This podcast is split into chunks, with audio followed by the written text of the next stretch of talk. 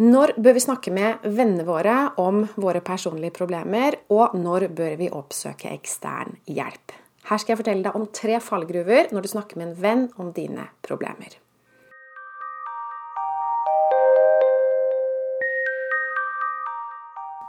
Jeg heter Line Strandvik. Jeg jobber som personlig veileder, hvor jeg hjelper deg tilbake til sannhet, hvor livet er ekte og meningsfullt. Når vi har problemer i livet vårt, eller når livet er vanskelig, så er det godt å snakke med noen. Og ofte så hjelper det å snakke med en venn, eller et familiemedlem, eller en kjæreste, eller kanskje til og med naboen. Ja, det må være noen vi føler oss fortrolig med.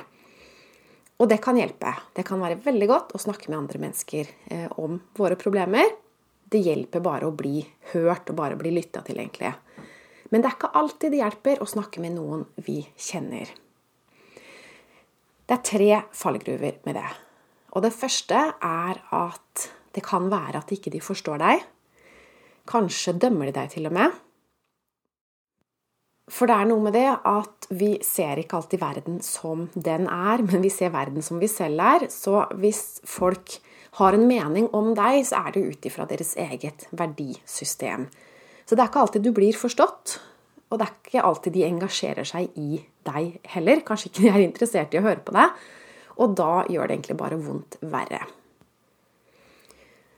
Den andre fallgruven er at din venn eller venninne Istedenfor å være ærlig, så tør de ikke å si sannheten og stryker deg med hårene og godsnakker med deg isteden.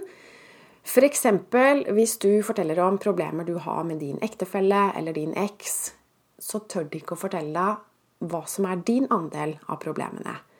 Så de bare nikker med og sier at ja, du har helt rett, du har en forferdelig eks eller forferdelig kjæreste, og alt er hans eller hennes skyld, og det er ingenting av din skyld. så når vi kjenner hverandre for godt, så kan vi være litt redde for å si vår ekte mening. Så det å stryke deg med hårene, det hjelper jo ikke alltid. Og til slutt, den tredje fallgruven er at du holder deg litt tilbake. Hvis det er en venn, så vil du kanskje ikke belaste vedkommende for mye. Så du sier ikke alt, og du blir ikke ferdig, du får ikke tømt deg helt med hva du egentlig har på hjertet, og hvor mye du har behov for å snakke og dele, og det kan jo hende at man har behov for å ta det opp. Det kan være stort, ikke sant? Det kan være noe som har ligget tungt i deg lenge.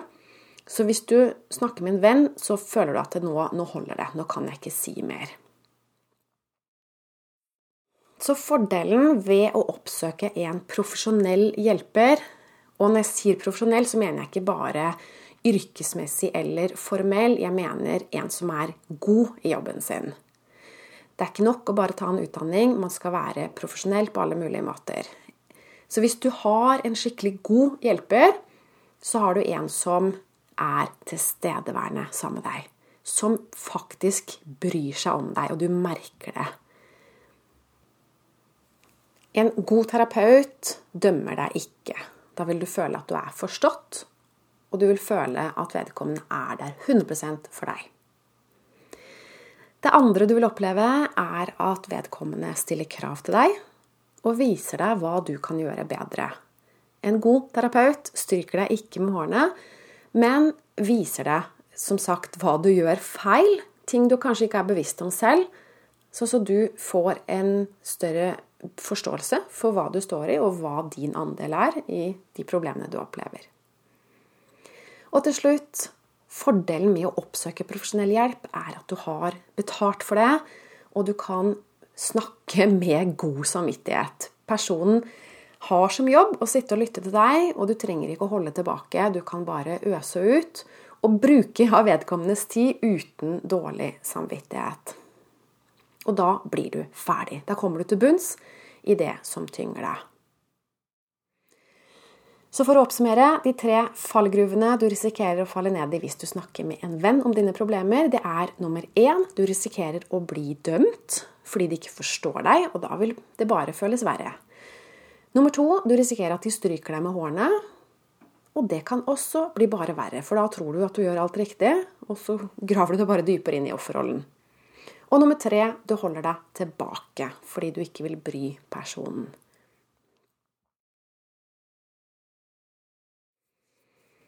Og alt det her unngår du hvis du oppsøker en profesjonell hjelper.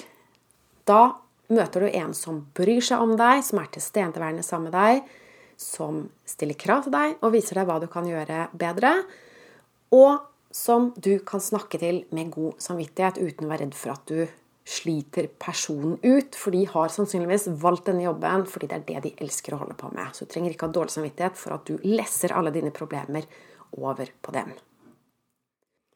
Full oppmerksomhet det er en mangelvare i disse dager. Mange mennesker er opptatt av seg selv. Så hvis du ønsker noen som bare lytter til deg, så er det noe du kan kjøpe deg til. Så neste gang du snakker med noen om dine problemer, kjenn etter disse tre tingene. Får du full oppmerksomhet? Stiller vedkommende krav til deg?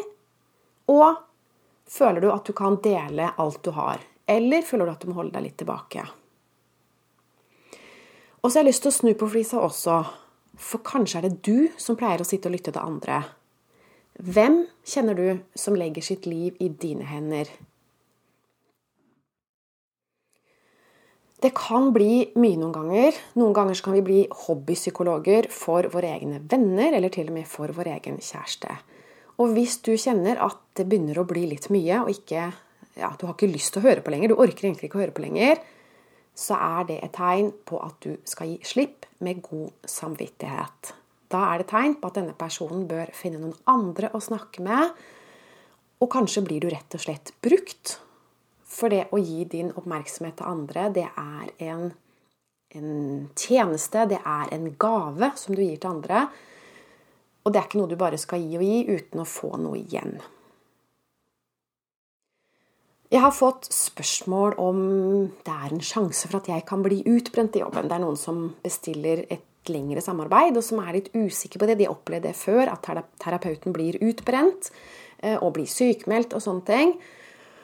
Og det har jeg aldri opplevd eh, i min jobb.